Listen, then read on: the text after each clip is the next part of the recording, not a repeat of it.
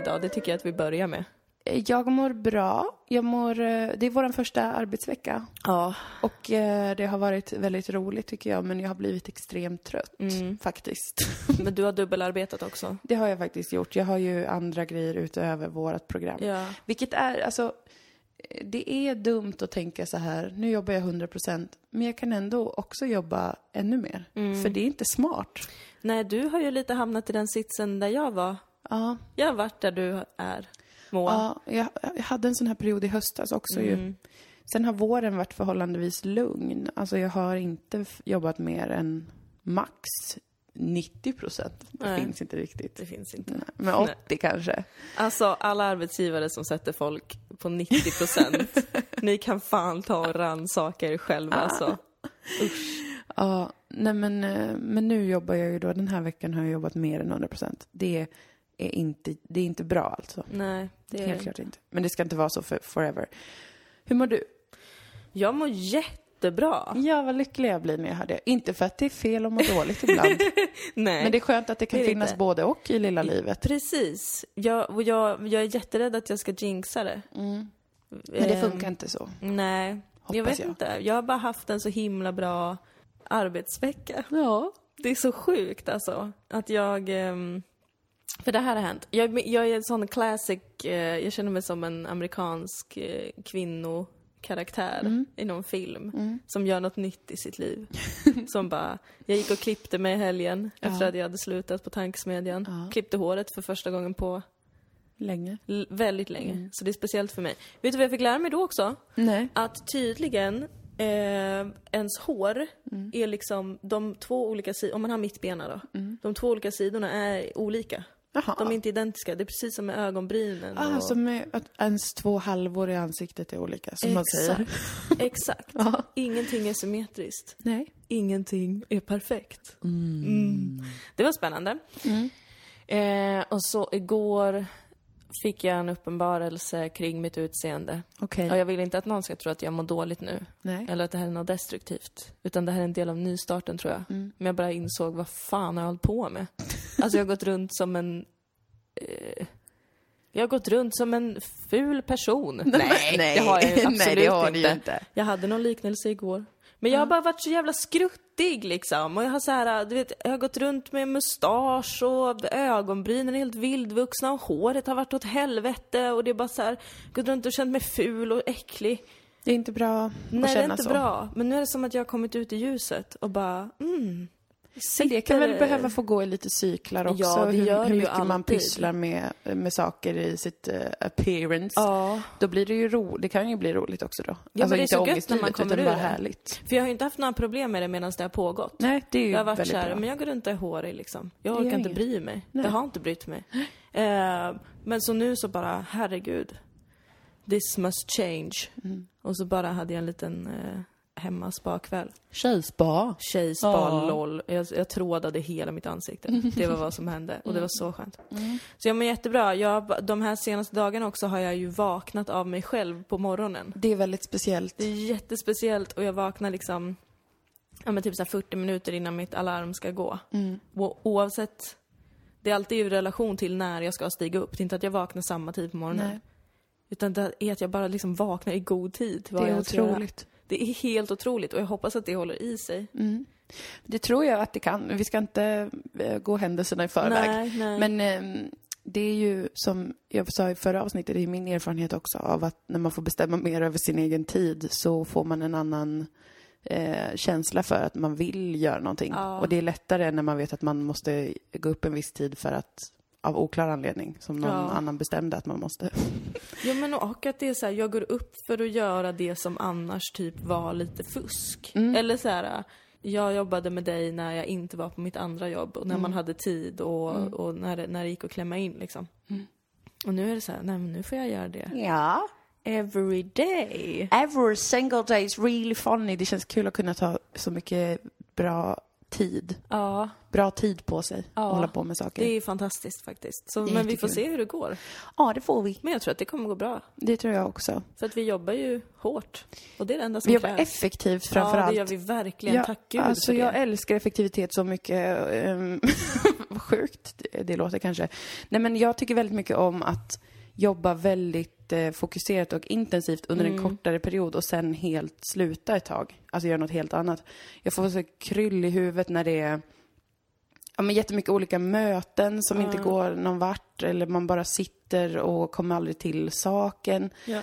Jag vill att man, när man väl jobbar, ska bestämma hur gör vi nu? När börjar vi? När slutar vi? Och nu kör vi. Mm. och så sen så bara oh, går man in i det, man dyker in. Ja. Och så är man där och jobbar, jobbar, jobbar, jobbar, jobbar. Och sen Ja. det, får det vara slut. Sen kan man göra något helt annat och inte behöva tänka på det. För jag tycker att det är så ofta, min erfarenhet när jag har jobbat, för, alltså varit an, jag har aldrig varit anställd. Eller? Jo, det har jag. Halvanställd. Kvasianställd. Ja, men det är som att så här, nu ska vi ha ett möte om det här. Mm. Som vi egentligen hade kunnat ta på mail. Vi hade kunnat pu- punkta upp det, skicka ut det, så vet alla, då har alla den informationen. Men nu ska vi sitta i 45 minuter för att det ska bidra till sammanhållningen eller något. Fast alla bara sitter så här, herregud, ska vi ha ett möte igen? Vad ska vi ha ett möte om nu?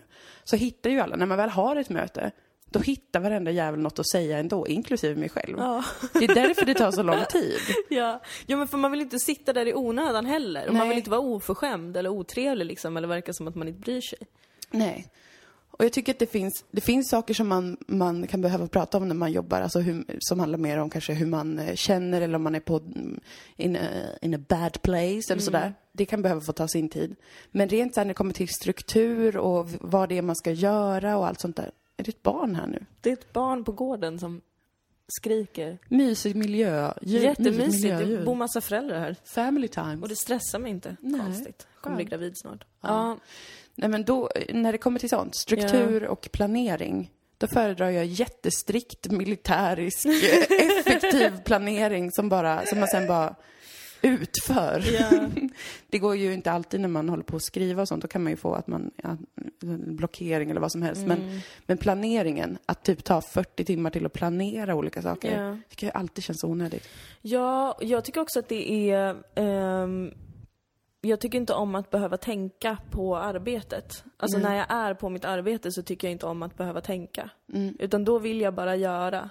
Och sen på min fritid så tycker jag om att tänka. Och fundera på hur man ska lägga upp saker och allting. Och sen så har man ett ganska koncist svar sen när man kommer till jobbet. Mm. Och så kan man bara samordna det tillsammans utifrån vad alla känner. Och ösa. Ja, och sen bara ösa på. Och sen är man ledig. Mm. För det är inte, man kommer inte på bra saker medan man är på arbetet tror jag. Nej, jag, jag håller faktiskt med om det, att det är bättre att göra. Alltså Ja. då, då, då känns den tiden mycket mer effektiv också. Att den inte går till att sitta fyra timmar och bara, Nej, hur exakt. känner man? Hur ska Eller i alla fall inte det? med det vi jobbar med. Nej, precis. Det är säkert Jag tror att är det kan vara olika. annorlunda på andra jobb kanske. Men just när det handlar om att komma på kul grejer. Man kommer aldrig på något kul när man sitter på ett kontor till exempel. Nej, nästan Eller jo, det gör vi ju, men du förstår hur jag menar. Jag förstår vad du menar. Övergripande stora idéer Ja, om framtiden. Ja, precis. Lol. Men jag har också tyckt det varit jättekul. Och Mm. vi, ja, att skriva tillsammans är väldigt roligt. Eller vi skriver ju var för sig på varsin dator. Men att eh, alltid kunna bolla idéer är Mm. Ja. så himla, himla roligt. Ja. Och det gör ju att det är mycket enklare att skriva. Om man fastnar vid någonting så kan man gå vidare och göra, skriva på en annan del av programmet Ja. och sådär.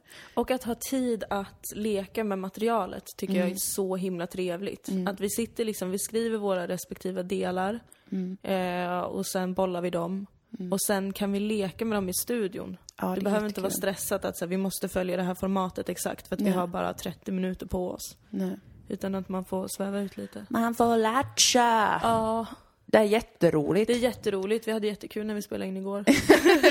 ja, det var jättekul. Och jättesvettigt. Det var så varmt i den studion. Alltså det var så fruktansvärt. Jag vill säga till alla, för att jag har tänkt på det här. Jag brukar verkligen inte bry mig om hur liksom, eh, hur, hur jag porträtteras i bild och så. För att jag, jag, jag tycker hellre om att jag visas upp som eh, ful, eller vad man ska säga, än supertjusig. Jaha, så att det blir liksom så att det verkliga är, Ja, slår Så att bilden. när man ser mig blir man så här: oh my god, så blir jag tusen Jag trodde snyggare. att hon såg ut som på den här bilden, men så var Exakt. hon mycket De snyggare. väntade sig en Quasimodo, de fick en Esmeralda.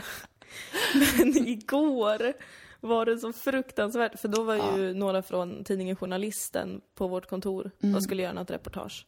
Eh, och då var vi där och jobbade, så de snackade med oss också.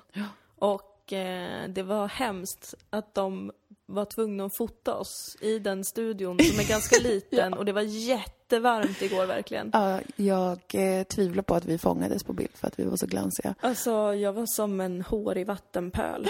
Det var liksom en vattenpöl med mustasch som stod och gnällde. Jag var en vattenpöl med flottig hästsvans och eh, röda prickar i ansiktet. Jag har De får hy. aldrig publicera de bilderna. Hoppas inte, eller så kanske fotografen är så svinbra så att Ja. han lyckades ta en fin bild ändå. Ja. Men det borde, då borde han få ett pris. För Ja, det att borde jag han. tror att det är omöjligt att ta en bra bild på oss när vi är så svettiga. Det, det, det går inte.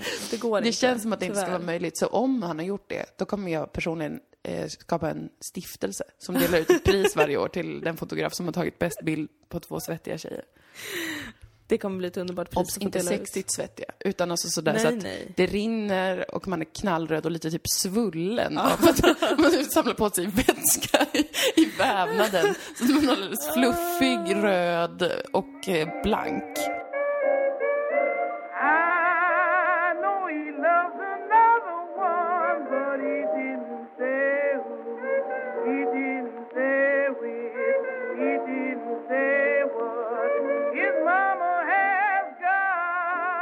Vi prata om drevet? Ja, om du pallar. Ja, jag vet bara inte om det kommer ta hus i helvete om man pratar om det. Inte i vår podd väl? Man vet aldrig alltså. Du vet, jag tänkte ju samma sak med Veckans Boss. Det är väl ingen som kommer bry sig om det. Nej. Det är väl ingen som lyssnar på det, tänker jag aldrig. Jag tänker det om allt. Det är väl ingen som lyssnar på något nu för tiden. Nej, men det är ju spännande med det här drevet. Vi kan ju förklara vad det, vad det är om. Men eh, det är ju ett drev som har återuppstått. Ja. Like Jesus. Like Jesus himself! Det här är det heligaste drevet vi har i Sverige. Jaha, det kommer kanske i framtiden att man firar dagen när eh, Husplattegate återuppstod. drevet återuppstod. Nej men det är ju det här med att nej, på Tankesmedjan så har de också en podd då. Som heter Veckans Boss. Och en gång i tiden gjorde vi Veckans Boss ehm, av eh, Alice Teodorescu som nu är chef, politisk redaktör, chefredaktör Men, på Göteborgs-Posten. Ledarskribent, ja. Och... Eh, gud, jag, jag orkar inte ens förklara det. Jag tycker att det är så jävla löjligt. Ja, jag sa... Jag skämtade lite plötsligt på, i ett sammanhang, i en kontext, obs. Där kontexten var, men Alice, du behöver inte... Du, du är bra som du är, liksom. Och så sa jag, sluta vara en sån husplatte. Helt spontant, inte ett skrivet skämt, någonting. nej. Ehm, ett ord som eh, ju inte är främmande för mig, Nej. som jag har skämtat med tidigare. Men som jag fick lära mig var otroligt främmande i Sverige. Ja, det var ett eh, explosivt ord att använda kan man säga. Ja, jätteexplosivt. Eh, och jag vill säga att jag, jag förstår såklart om man reagerar på det. Eh, det var inte mitt mål att personligen kränka Alice Why not, och mate? förstöra hennes, Why not? förstöra hennes liv. Det var faktiskt inte min aktiva plan. Eh, men folk blev otroligt upprörda, blev ett otroligt drev. Ehm, och sen så... Det var ett av de största förutom diabetikerdrevet, alltså mot tankesmedjan. Ja, det skulle och jag tro. gången, det där med, ja, jag minns det var något med Sverigedemokraterna en gång också. Ja.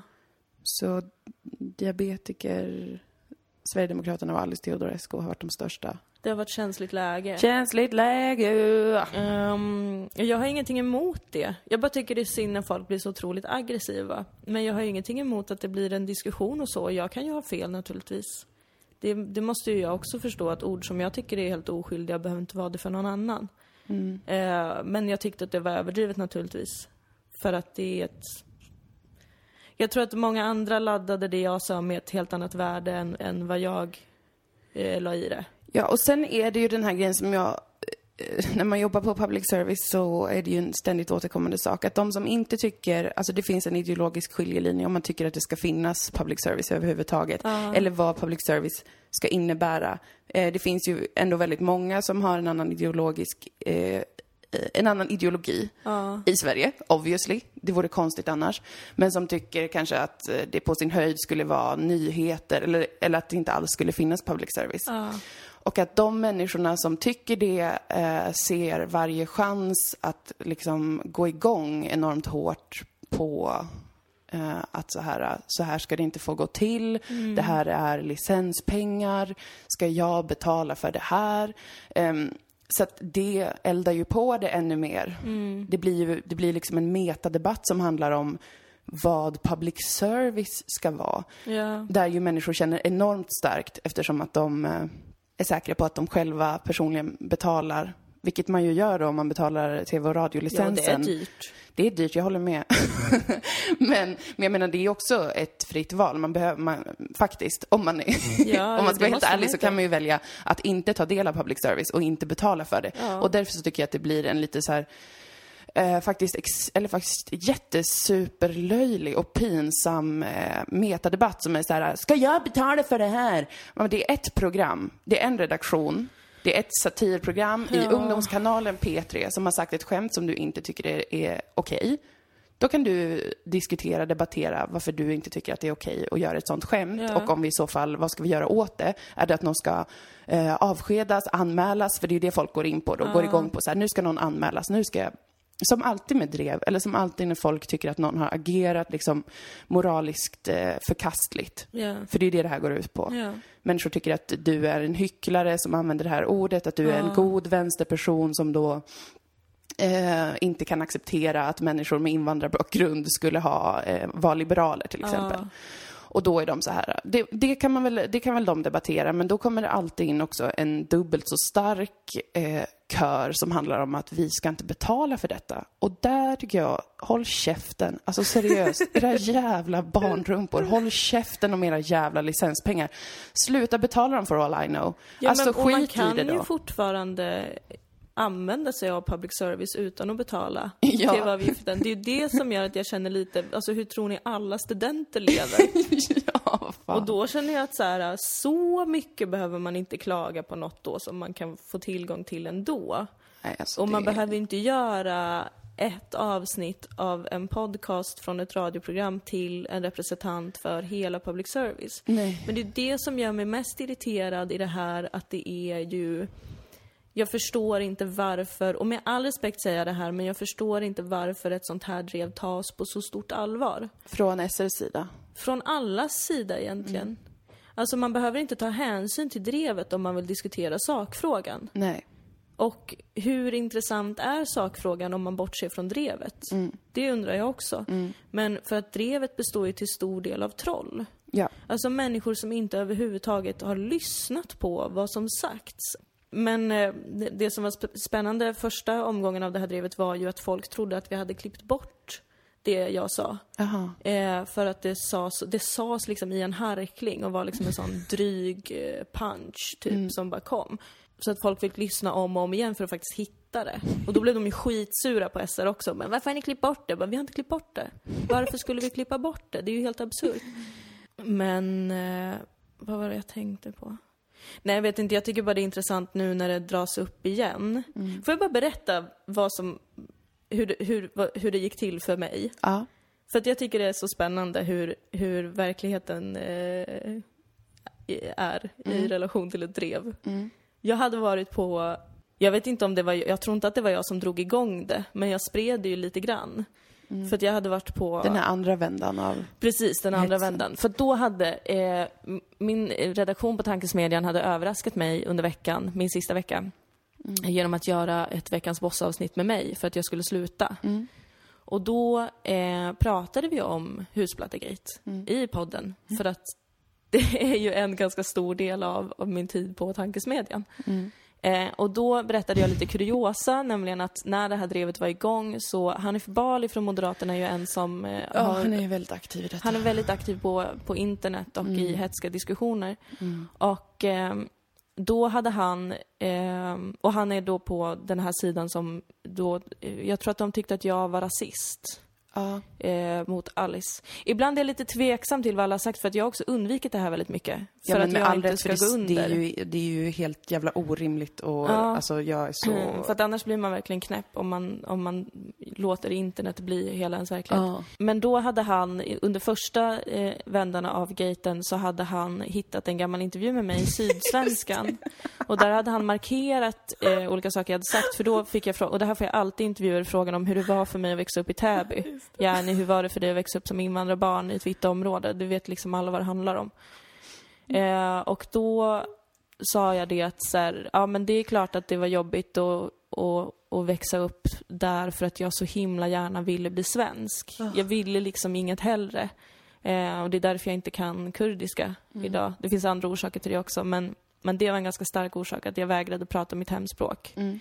Eh, och närma mig det kurdiska överhuvudtaget. Eh, för att som liten förstår man Mm. jättesnabbt att man är en kontrast. Och Ja, att det finns något hos en som måste avhjälpas för att man ska få vara med på samma villkor. Mm. Det är sjukt ändå att små barn kan förstå de samhälleliga... De förstår så mycket, de konstiga små Man känner av så mycket.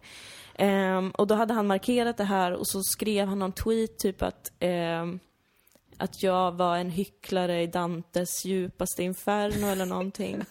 Han är lite Eh. rolig ibland ändå. Ja, väldigt rolig. Underförstått då att så här, äh, hur kan du... Så, och så tolkade vi det i podden. Att Ja. underförstått, hur kan du som själv verkar vara värsta husblatten kalla någon annan för husblatte? Det skrev han absolut inte rakt ut. Nej. Men, det, men rent spontant, jag som en eh, människa, när jag ser honom skriva en sån sak så kommer jag dra den slutsatsen att ah, det är så du menar för att Ja. du kallar mig hycklare. Alltså det Ja, finns ja, ja. dubbelmoral du vill Det var belysa. inte att han pratade om att du har vuxit upp i Täby och nu bor i Malmö. Och han tog ju inte med fortsättningen på det svaret som var att jag tycker att det är otroligt sorgligt att jag tänkte så när jag var liten och att man aldrig någonsin ska behöva definiera sig som svensk. Att jag tycker att det i sig är absurt. Det här att behöva definiera sig som någonting. Det lämnade han lyckligtvis ute. Eh, och då tog jag upp det i veckans boss och berättade det att det är lite skojigt, det finns på nätet liksom. Jag är inte arg, jag är inte sur. Det här var ju ett år sedan. Ja. Jag går inte runt och är arg på Hanif Bali. För att jag Nej. bryr mig inte så mycket om vad han säger. Nej. Eh, och sen då, min sista vecka, det var fredag. Min sista arbetsdag var, eh, bestod av en konferens Mm. med P3. Det var P3-dagen. Och så hade vi haft lite middag och lite festligheter och sen så hade jag gått hem till min syster eh, för att sova där för att jag var väldigt emotionell. Och det var då det slog mig att jag faktiskt slutade på tankesmedjan. Eh, och jag blev väldigt nostalgisk. Ehm, vilket förvånade mig för att jag trodde inte att jag skulle eh, känna någonting inför att sluta. Eftersom Nej. att jag valde att sluta själv. Och så gick jag på en liten trip down memory lane. Yes. Och eh, hittade då den här tweeten Mm. som Hanif Bali hade skrivit. Och då tänkte jag, vad kul! För det här pratar vi om i veckans boss. Och så är det också lite kul att typ ingen använder hashtaggen veckans boss. Nej. Så då la jag upp den och så hashtaggade jag den med veckans boss. Mm. Och sen några dagar senare så får jag liksom samt, alltså folk kollar om jag är okej. För att tydligen är det något jävla drev på gång igen. Och min kompis smsar mig och bara vad, vad händer? Typ Nyheter 24 har skrivit om det här eller någonting. Hade hon sett något skojigt så, så går jag in och så ser jag rubriken. Och så är det att Hanif Bali säger att, jag tror det var Hanif Bali som bara, de kallar mig rasförrädare.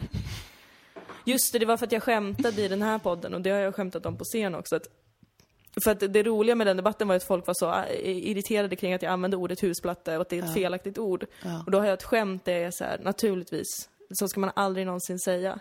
Det korrekta begreppet är såklart rasförrädare. Herregud, det förstår ju jag. Det är ett skämt. Va? Eh, jag har tagit det på allvar och ringt granskningsnämnden nu för att jag tycker att det känns otroligt vidrigt av dig som Ja, avsändare att säga någonting sånt rakt ut inspelat. Då har han liksom dragit det till att alla vi på Tankesmedjan har kallat honom och Alice och alla andra för rasförrädare. Och då blir jag lite så här, men vad i hela fridens namn? Det är ju inte sant. Men ändå så fortsätter folk tydligen, för att jag blir påmind om att den här diskussionen fortfarande pågår, fast jag ignorerar den totalt, för att det är den dummaste diskussionen. Ja. Det är inte ens en diskussion, Nej. utan det är bara troll som bemöts. Exakt. Som att de inte var troll, utan seriösa debattörer. Eh, Jag blir bara så förbluffad över att ingen kan säga, vad håller ni på med? Det här stämmer inte. Det är helt okej om ni blir provocerade av det här samtalsämnet. Förklara då varför ni blir provocerade så kan vi diskutera det. Men att de får hetsa upp och piska upp en stämning kring en sak som inte ens är särskilt Nej, alltså det är jag också, ska, inte, jag ska inte värdera hur viktig den här frågan är, det ska jag absolut inte göra. Men att man får säga sådana saker och ingen säger nej, nu får du skärpa dig för att det där stämmer inte. Det är ett faktafel. Det är ett faktafel och det är bara otrevligt. Och det är arrogant. Nej, men alltså det här, det, det känns som att vi lever i the last days of drev. Alltså jag tror att eh, det kommer hända några gånger till antagligen. Sen så kommer det här förpassas till olika typ stängda forum där folk sitter och hetsar upp varandra och kanske på sin höjd börjar ringa. Det, det spiller över lite till liksom det, det verkliga livet, alltså att vissa Alltså, när det gäller public service då har de ju granskningsnämnden där de kan sitta och, och, och skicka in sina anmälningar och så vidare. Eh, men även att eh, vissa går väl så långt så att de ringer upp typ chefer på Sveriges Radio och sånt där. Men, men utöver det så, så tror jag att det kommer, för att det är en, alltså det är en, det är en gruppmekanism, det som händer. Det handlar, alltså som sagt, det blir typ olika metadebatter eh, diskussioner, vad fan man ska kalla det, olika hetsiga samtal om typ 15 olika ämnen som är så här, ha, får man använda det här ordet? Vad är, är det här att hon var rasist? Är det här, får public service göra det här?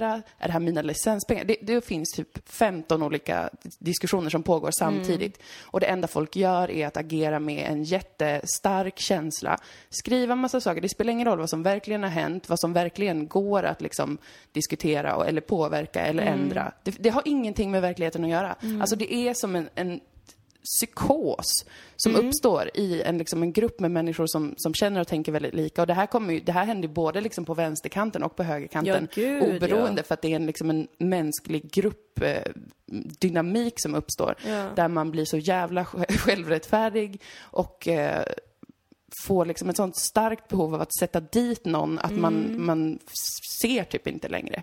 Ja, Och man behöver inte göra det när det är på internet heller för att du, du tittar inte på en person som du pratar med, du har ingen, ingen direkt koppling till den. Du kan skriva vad fan du vill och hur mycket du vill. För det finns liksom, det spelar ingen roll vad mottagaren gör eller säger.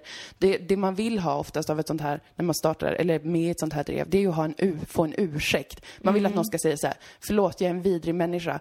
Men det spelar ingen roll, för även när någon ber om ursäkt så är folk arga. Det spelar Ja. ingen roll, det finns ingen koppling till verkligheten och det är därför jag tror att de här typen av mekanismer, sociala mekanismer, de kommer förpassas och i framtiden så kommer man skratta på samma sätt som man skrattar nu åt att olika typer av pöbelhysterin som har pågått förut i tiden.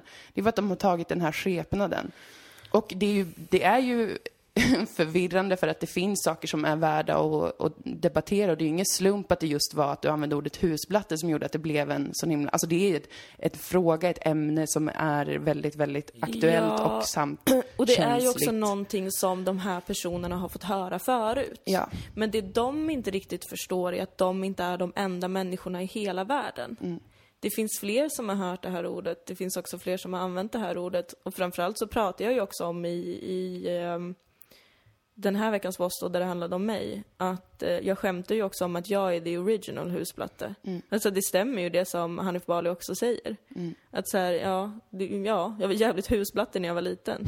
Varför var jag det? Det är ganska intressant. Eh, varför eh, anser jag att vissa fortfarande är det? Är jag fortfarande det? Blir jag provocerad av att kallas det? Varför blir jag då provocerad? Alltså att ingen vill och det här tror jag att vi har pratat om tidigare också, att ingen vill li- liksom så gräva i provokationen. Nej. Inte ens när den provokationen kommer från ett satirprogram. Nej. För jag säger absolut inte att jag har rätt eller fel. Jag ber absolut inte om ursäkt. Nej. Det jag undrar över är bara varför man inte... Om man nu ska ladda det här med ett sånt värde och om man ska ge mig en sån makt. För det tycker jag också att de gör i det här drevet. Att de liksom ger mig makt som någon slags här opinionsbildare som kan förleda massa människor och sprider propaganda. Och det är såhär, nej. Det är så roligt med de som är så besatta vid typ tankesmedjan för att det är så här, oh, alla som jobbar där är, är, är vänster och eh, är så här det är skitdålig satir och ändå så blir de så otroligt winded up för att de, då måste de ju tänka att det, det är ett program som har jättestort genomslag och som faktiskt opinionsbildar och som skapar liksom en norm. Medan jag tänker att eh, tankesmedjan väldigt mycket preacher to the choir. Ja. Alltså jag tror absolut inte att en liksom ung liberal person sitter och lyssnar på det och blir turned och bara "Eh, nu hör jag det här skämtet som eh, utgår från en socialistisk point of view, nu blev jag socialist. Ja. Alltså det, det har inte den. Jag tror verkligen inte det. För, för jag tänker att satir i väldigt, väldigt många fall, eh, är, det, är det liksom bra, välgjort så kan folk från olika eh, spektrar av det politiska tycka att det är roligt. Är det inte det, det är lite mer slarvigt, det är något man har skrivit ihop, man utgår kanske någonstans från sin egen, för det gör man alltid, sin egen position och sin egen point of view. Då är det de som håller med en som kommer tycka att det är Ja. kul. Ehm, så att jag, jag tycker att det är intressant att samma personer som tycker att det är ett skitprogram som är vinklat och som är liksom någon slags konspiration av socialister, att samma personer också uppenbarligen tycker att det är så farligt, alltså att det är så himla livsfarligt, typ samhällelig fara att det här äh, pågår. Ja. Ehm, man kan ju tänka att det är en ilska över att det är orättvist att, att de flesta i programmet eh, verkar ha, man tolkar det som att de flesta har en, en vänstergrund. Eh, grund. Men är det det som man verkligen tycker, då finns det ju andra sätt att hantera det. Alltså jag menar, då skulle man ju kunna faktiskt på riktigt typ ha ett förslag om eh, kontakt. Jag vet inte, men det finns ju sätt. För att det, det kan jag absolut hålla med om att det, det finns, jag, jag tänker att det finns svinmånga människor på höger, till höger, som skulle kunna göra svinrolig satir. Och som Ja. gör det säkert. Jag har inte sett så mycket om jag ska vara helt ärlig. Men det finns väl. Det är klart, att det finns, herregud. Eh, och att eh, man kan önska att det finns en större, skulle finnas en större variation sådär. Men det är ju en helt annan debatt. Då behöver man ju inte sitta och skrika om att eh, man eh, hatar public service och att det här programmet och det som sägs är livsfarligt och det måste be om ursäkt och det, någon måste avgå. Jag tycker att det blir en ganska pinig paradox på något sätt. Att bara, det här är bara skit. Men det är livsfarlig skit som kommer förstöra Ja. allt och det är orättvist Ja. samtidigt. Jag Att tycker att den finnas- bästa kommentaren jag har sett nu i den här andra omgången eh, var någon som skrev Ja men vad fan, det är satir. Mm. Det är inte världens bästa satir. Men vad mer kan man begära när de ska leverera varje dag? Ja, det är Jag väl en rimlig åsikt att ha. That's the way it is. hade jag kunnat sitta med den tanken som Mm. egentligen uppstod där och då, hade jag kunnat sitta med den tanken kring att skulle man kunna raljera över Alice Teodorescu som någon som eh, försöker vara inställsam mot, mot den vita normen, Mm. så hade jag kunnat göra så jävla elegant satir över det, där ingen blev kränkt, men det ändå fanns eh, något slags budskap som folk kunde smälta mycket lättare. Det hade jag absolut kunnat göra om jag hade suttit med en sån sak i en vecka liksom. Ja, och om det är det man tycker att det måste vara med skämt om politik, att det Ja. alltid ska vara liksom, det kan väl vara skitigt också. Jag tycker att det är en sån konstig, så här, eh, jag vet inte men Ja, för jag kollade in den här, jag sökte lite och kollade lite för att jag tycker bara att nu när jag inte är med och inte har varit med i programmet på så länge så tycker jag bara att det är lite, pyttelite intressant. När jag var med så var jag så här LOL, alltså försvinn ur min åsyn. Eh, jag vill inte höra någon som håller på och gaggar om det här för att det var så jävla tröttsamt. Jag vill bara så här, stäng av det då, det är fan inte mer än så. Men nu när jag ändå eh, inte är med och sånt där så tycker jag att det är lite eh, intressant att kolla in.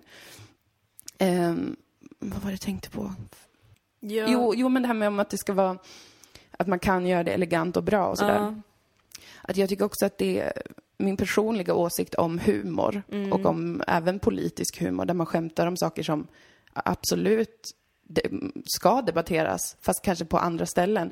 Det är ju att det ska inte behöva vara så. Jag tycker att det är en konstigt, ett konstigt krav att ställa att alla, alltså det är så himla, det är inte en, en, ett forum där man liksom tar upp exakt alla aspekter. Jag tycker att det kan vara skitigt och det kan vara dåligt gjort ibland. Vem fan, vem fan orkar hålla på att det ska vara som någon jävla eh, pamflett och som ett jätteväl genomarbetat debattinlägg. Jag tycker att humor, humor ska kunna vara eh, tramsigt, skitigt, ignorant ibland. Jag tycker att det är en funktion som vi ska ha.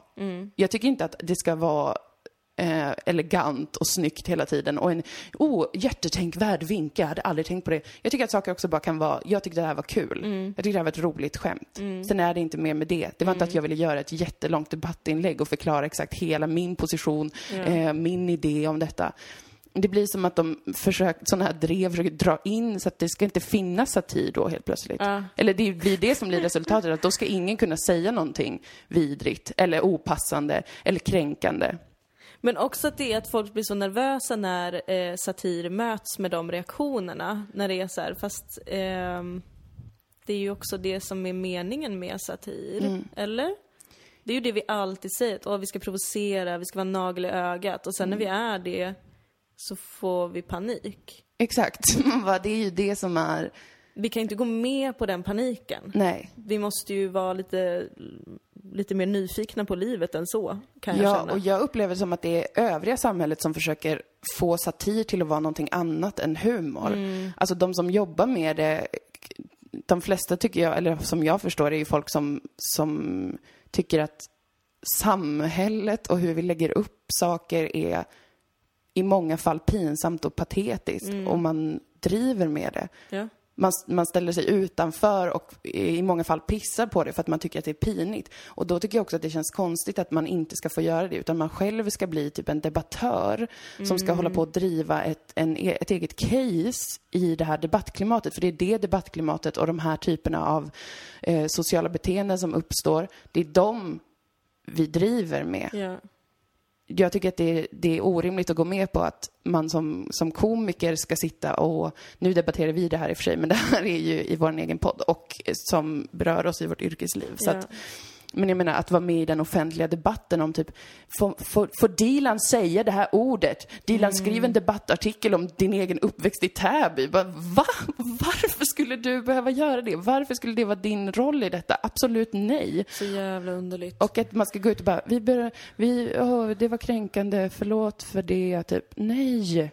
Men Nej, alltså nej, det som jag också tyckte var så roligt eh, första omgången, nu vet jag inte om det har kommit upp andra omgången, men det var ju det här med att ja, eh, jävla rasister som eh, attackerar en invandrarkvinna som har lyckats. Mm. Man bara, men hela det här drevet går ju ut på att attackera en invandrarkvinna. Eller? Vad är jag liksom? Mm. Eh, att det också finns den här eh, att det fortfarande finns den här bilden typ av, jag vet inte om jag drar det här för långt, men att det finns en bild av att alla invandrare ändå någonstans ska vara likadana. Att vi inte får Exakt det positionera oss de mot varandra. använder sig mot, vill de. Ja, att så här, jag kan faktiskt ha en annan åsikt än Alice Teodorescu om det som vi två har gemensamt. Mm. Nämligen att vi är av, av annat ursprung än etniskt svenskt. Mm. Och hur det har påverkat oss i våra liv. Och där måste inte jag hålla med henne Nej. om hur man ska göra. Man måste också komma ihåg att hon hur, och jag har all förståelse för att hon har haft det jobbigt. Det har jag verkligen. Hon har fått höra de här sakerna och hon har fått höra dem mycket mer aggressivt än vad jag framförde dem. Men man måste komma ihåg att hon inte är en individ i det här sammanhanget. Nej, hon är en politiker Ja, och en hon är en opinionsbildare. väldigt inflytelserik person Ja. som uppenbarligen har en väldigt stor following, som Ja. har en plattform. Ja.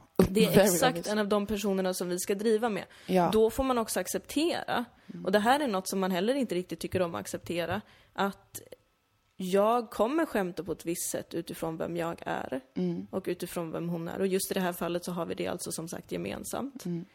Ehm, men att den förståelsen finns inte heller. Mm. Den förståelsen för att det kan finnas en jargong som svenskar, etniska svenskar kanske inte känner till. Mm. Det verkar vara jättesvårt för många att hantera. Ja, kris och panik. Jätte, jätte, jättesvårt. Och det tycker jag är väldigt intressant. Mm. För att som sagt, ordet husblatte är inte främmande för mig. Nej. I ett som sagt skämtsamt sammanhang specifikt. Absolut inte. Det är jättefrämmande för många andra. Det förstår jag. Jag förstår att man kan bli provocerad. Men eh, att verkligen, eh, det är väldigt mycket skygglappar på. Från människor som vill bete sig som att de är stora tänkare. som inte är ödmjuka inför någon situation överhuvudtaget. Nej. Det tycker jag är väldigt, väldigt, eh, väldigt roligt. Ja. Men eh, det kommer mer. Det kommer mera. Det är det enda jag kan säga. Ja, det är fascinerande alltså vad folk håller på med. Det är otroligt. Men alltså det som också är fascinerande är ju att bara man stänger av det så finns det inte. Det är ju väldigt Ja, skönt. det är ju jätteskönt. Alltså jag tog bara en liten, jag stack ner huvudet lite i den grytan eh, under någon, någon kvart, 20 minuter och bara herregud, Ah. LOL! Alltså så jävla LOL. Men sen så stack jag ut, eh, hu- eh, bort huvudet som man Ja. säger. tog ut ur grytan, då bara, här var ju den vanliga världen. Ja men exakt. Det var bara ett, eh, det var ett satirprogram som gjorde ett skämt som många tyckte var olämpligt. Mer var det inte med det. Hej då, nu går jag och gör lunch kanske. Och det är det som är så himla skönt också med exakt det här. Alltså det finns ju inte. Om de, alltså det finns sätt att att föra debatter och att eh, ha olika åsikter och ändå prata om dem. Det finns och det ska finnas. Men den här typen av eh, hysteri och liksom eh, som tokerier, det finns bara om man söker upp det och läser det. Man kan stänga av allt det, man kan radera allt som alla skriver, muta bort det och då Ja. finns det inte. Gud vad skönt. Och det, det är jag glad över att jag gjorde för, första omgången. Ja. Jag tror jag var full när jag fick veta att det var ett drev på gång. Ja. För det var helg. Jätteförvirrad. Och sen bara sket jag i det. Och nu har jag också skitit i det. Förra gången kom det ju lite intressanta texter. Jag kommer ihåg att jag läste någon ledare om det som var lite spännande. Som ändå verkade hitta någon slags kärna i det. Och det uppskattade jag. Det var trevligt. Men eh, det är så lätt att bara inte gå in på Twitter. Ja, det är så underbart lätt. Alltså det är en sån Ja. befrielse.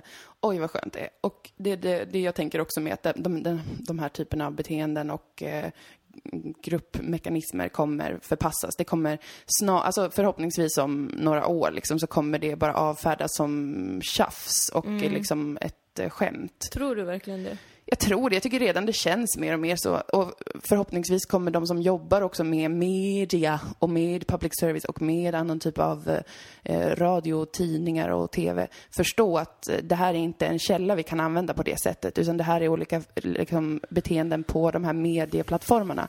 Det är inte samma sak som att eh, en miljon människor går ut på gatorna och demonstrerar. Eh, det är inte samma sak. Det, det fungerar på ett annat sätt. Ja. Mänskliga beteenden tar sig andra uttryck på internet. Och det, är inte, det går inte att översätta direkt till verkligheten.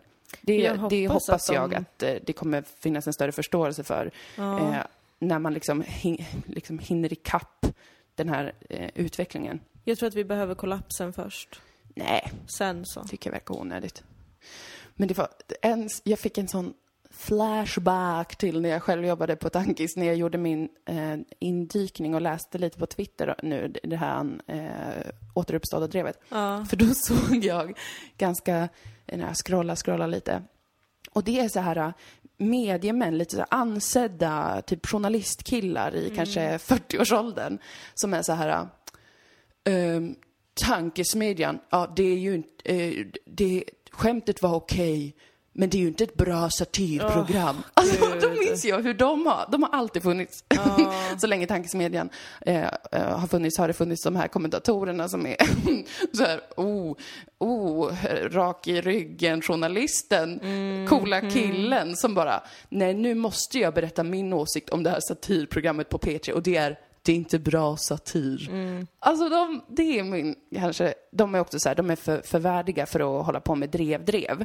De är bara så här, de berättar sin åsikt när, precis. när, när vindarna blåser liksom åt ett Bara, visst jag håll. vet att det pågår ett drev. Eh, jag vet också att alla undrar vad min kommentar kring det här är. Förlåt att jag har väntat. Ja, Eh, jag vill ja. testa en segway. Men nu kan jag berätta för er att eh, jag tycker att det är helt okej. Eh, och jag håller med den här. Ja. Okej. och Nu sen- dyker jag vidare till ett annat ämne. Men jag ville bara säga, eftersom att eh, jag vill att ni ska veta att jag tycker att de här... eh, Jag kände väldigt starkt att ni längtade efter min åsikt. Ja, bara. de här 25-åringarna som sitter och tramsar i P3, nej men det är inte bra. Nej. Bra, då har vi klargjort det. Alltså det är omoget. Men no shit! Hur gammal är jag? Alltså, det är också det. Att folk är så himla, himla blinda inför hur dum ungdomen är.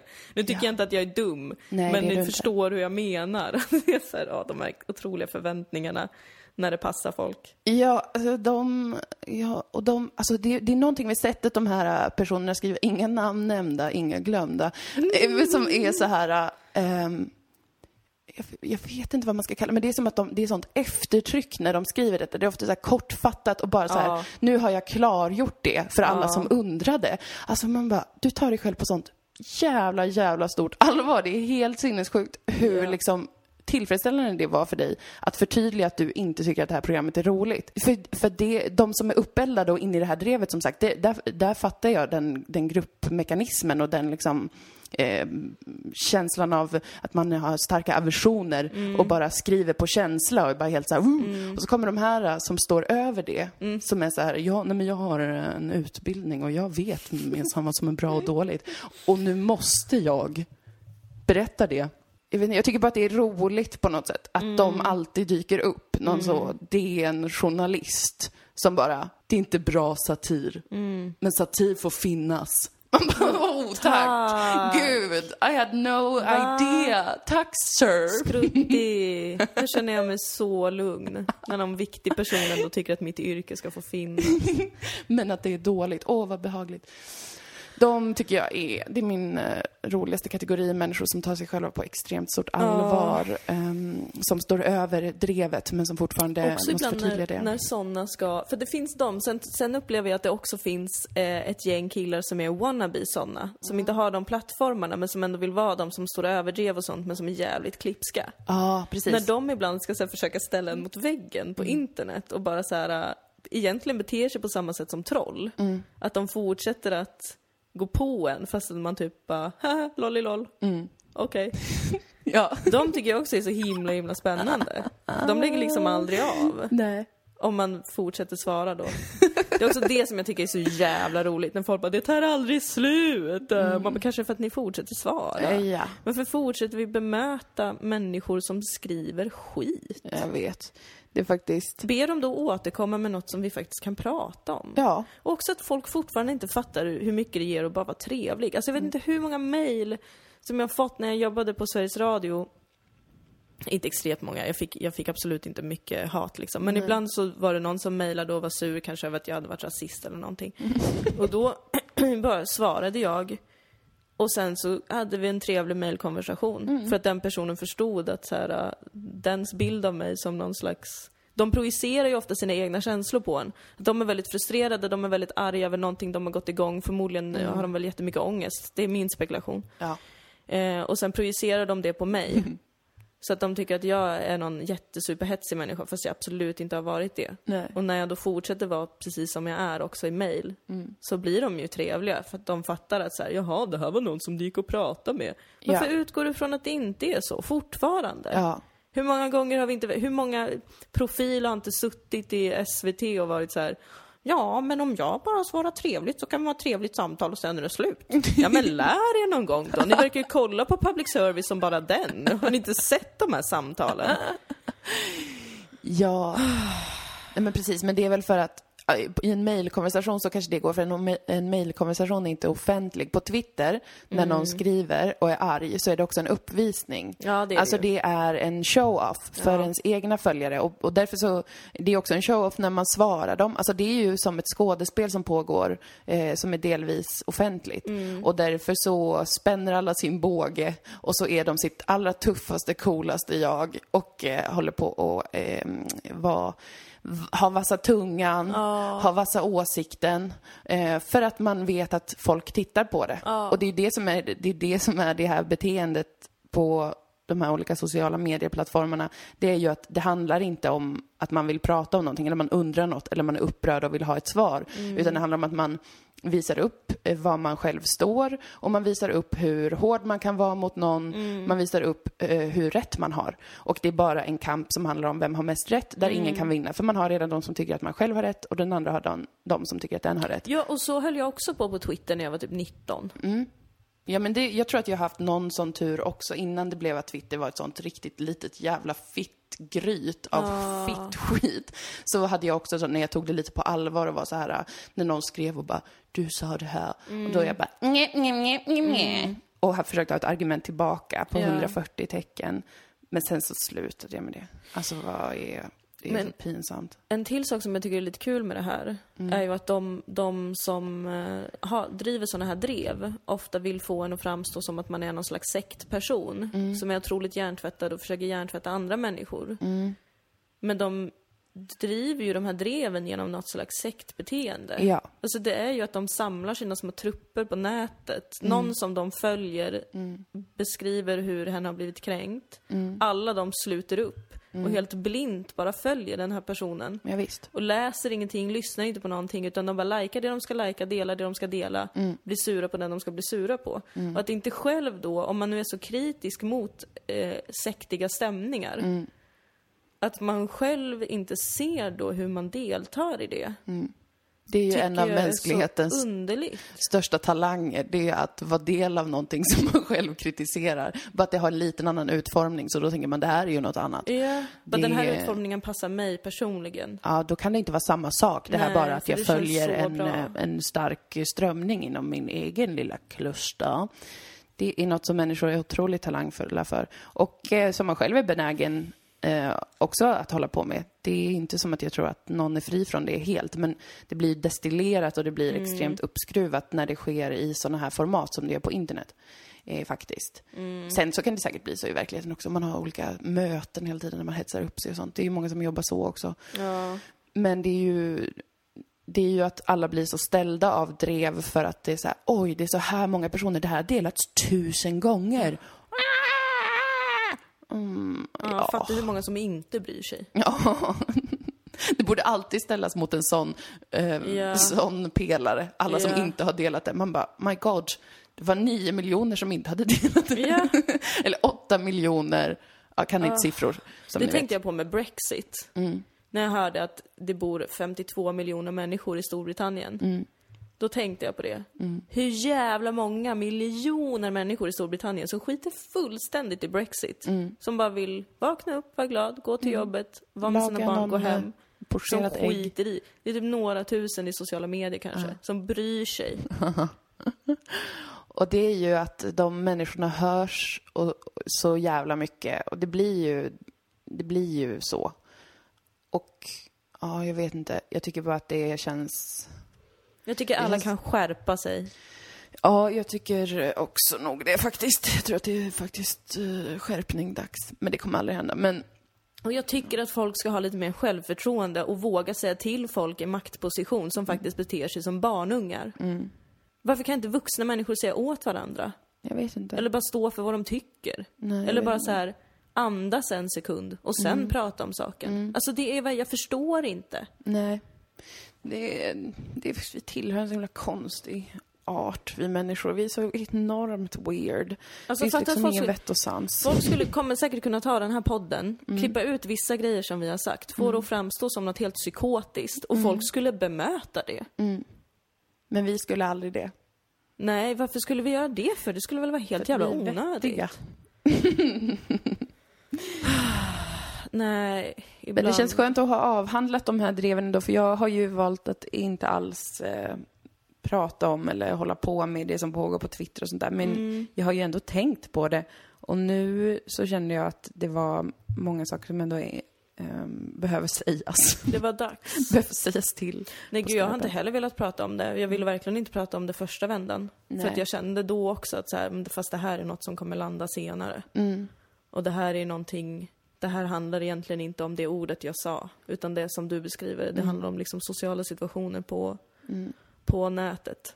Ja, precis. Och att det, det är ett så här, ja men det är ett känsligt ämne och det, det är så, det har pågått mycket, eller det har funnits en diskussion också kring inom vänsterkretsar, du vet, med vilka ord man får använda och inte, där det blir drev mot människor som har uttryckt sig på ett vidrigt sätt till exempel, där det också är samma mekanism att det spelar inte så stor roll eh, hur och var och varför, utan du har sagt detta och eh, du måste nu eh, bli skammad till en ursäkt eller till tystnad. Alltså att det är en sån himla lockande grej att vara del av för människor.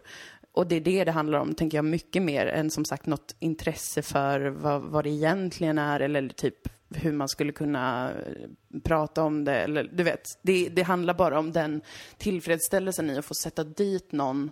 Det är kanske är det att folk är avundsjuka på oss som får hålla på med satir. För att vi har det lite som ett privilegie. Att vi får sätta dit folk. Vi får ta vår liksom, personliga aversion mot ett fenomen eller en, en politiker eller opinionsbildare eller vad det än är. Och vi får sätta dit dem. Det ingår liksom i våran, eh, i, i våran syssla.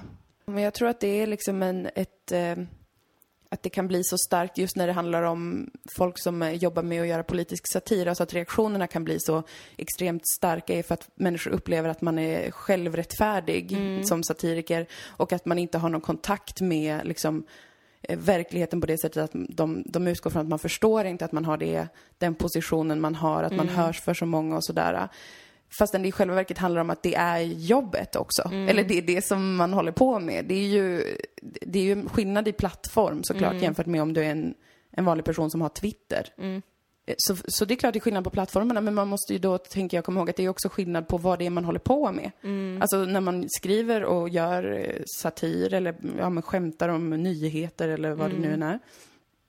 Då är det det man gör. Det är inte att man sitter där och gör eh, en jätte, ett jättelångt debattinlägg som ska Nej. bemötas på debattsidorna och så vidare. Utan det är att man skämtar. Sen är plattformen ganska stor om man jobbar med rikssänd radio. Men det vet de som gör det. Men, Ja. men själva funktionen i att hålla på är ju att man fortfarande, man kan inte börja bete sig som typ en ledarskribent eller skriva, eller du vet göra det som en ledarskribent. Utan det, i grund och botten så måste folk acceptera att det är ett skämtformat. En plattform där det, där det sker, där det begås skämt. Jag bara drabbades av någon sån liksom, fast hur mycket ska man kräva av människor egentligen? Nej, Alltså, jag för tror, jag tror att, ja, förlåt, Om man går till botten med det, så är det ju, som man brukar generalisera sådana här troll till exempel, så brukar man ju alltid säga det att ja, men det är människor som är frustrerade över någonting i samhället. De är frustrerade över något, uppenbart. Uppenbart är de ju frustrerade över någonting. Jag hade också varit ute så mycket på internet om jag var frustrerad över någonting. Och att liksom, men det är ju någonting som vi inte har skapat. Det är ju någonting i samhället som, som vi har byggt samhället som gör att människor blir sura. Så kan man sitta och tänka själv bara, ja men ta reda på vad det är istället för att gå på ett jävla radioprogram som egentligen inte påverkar någonting i praktiken. Ta reda på vad det är i samhället som är fel då. Så blir jag lite så, ja fast vem fan orkar göra det?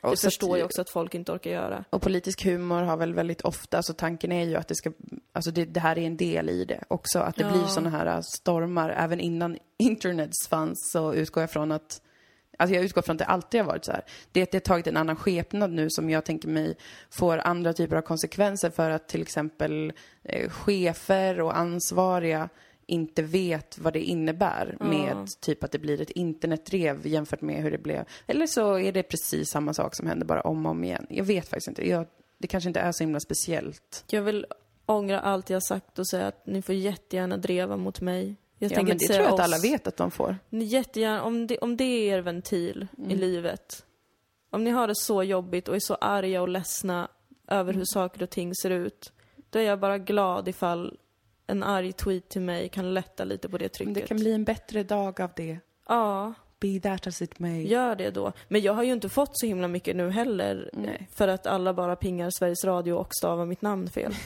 så det har varit jätteskönt. Alltså det har hjälpt mig att kunna undvika det. Ja. Totalt. Men jag tycker synd om dem på SR som måste sitta och prata i telefon och svara på mejl. Men jag förstår också inte riktigt varför de inte säger till folk mer på skarpen. Nej, Det förtroende tycker jag att public service kan ha. Det tycker faktiskt jag också. Det är inte orimligt att tänka sig att de borde ha Nej. det.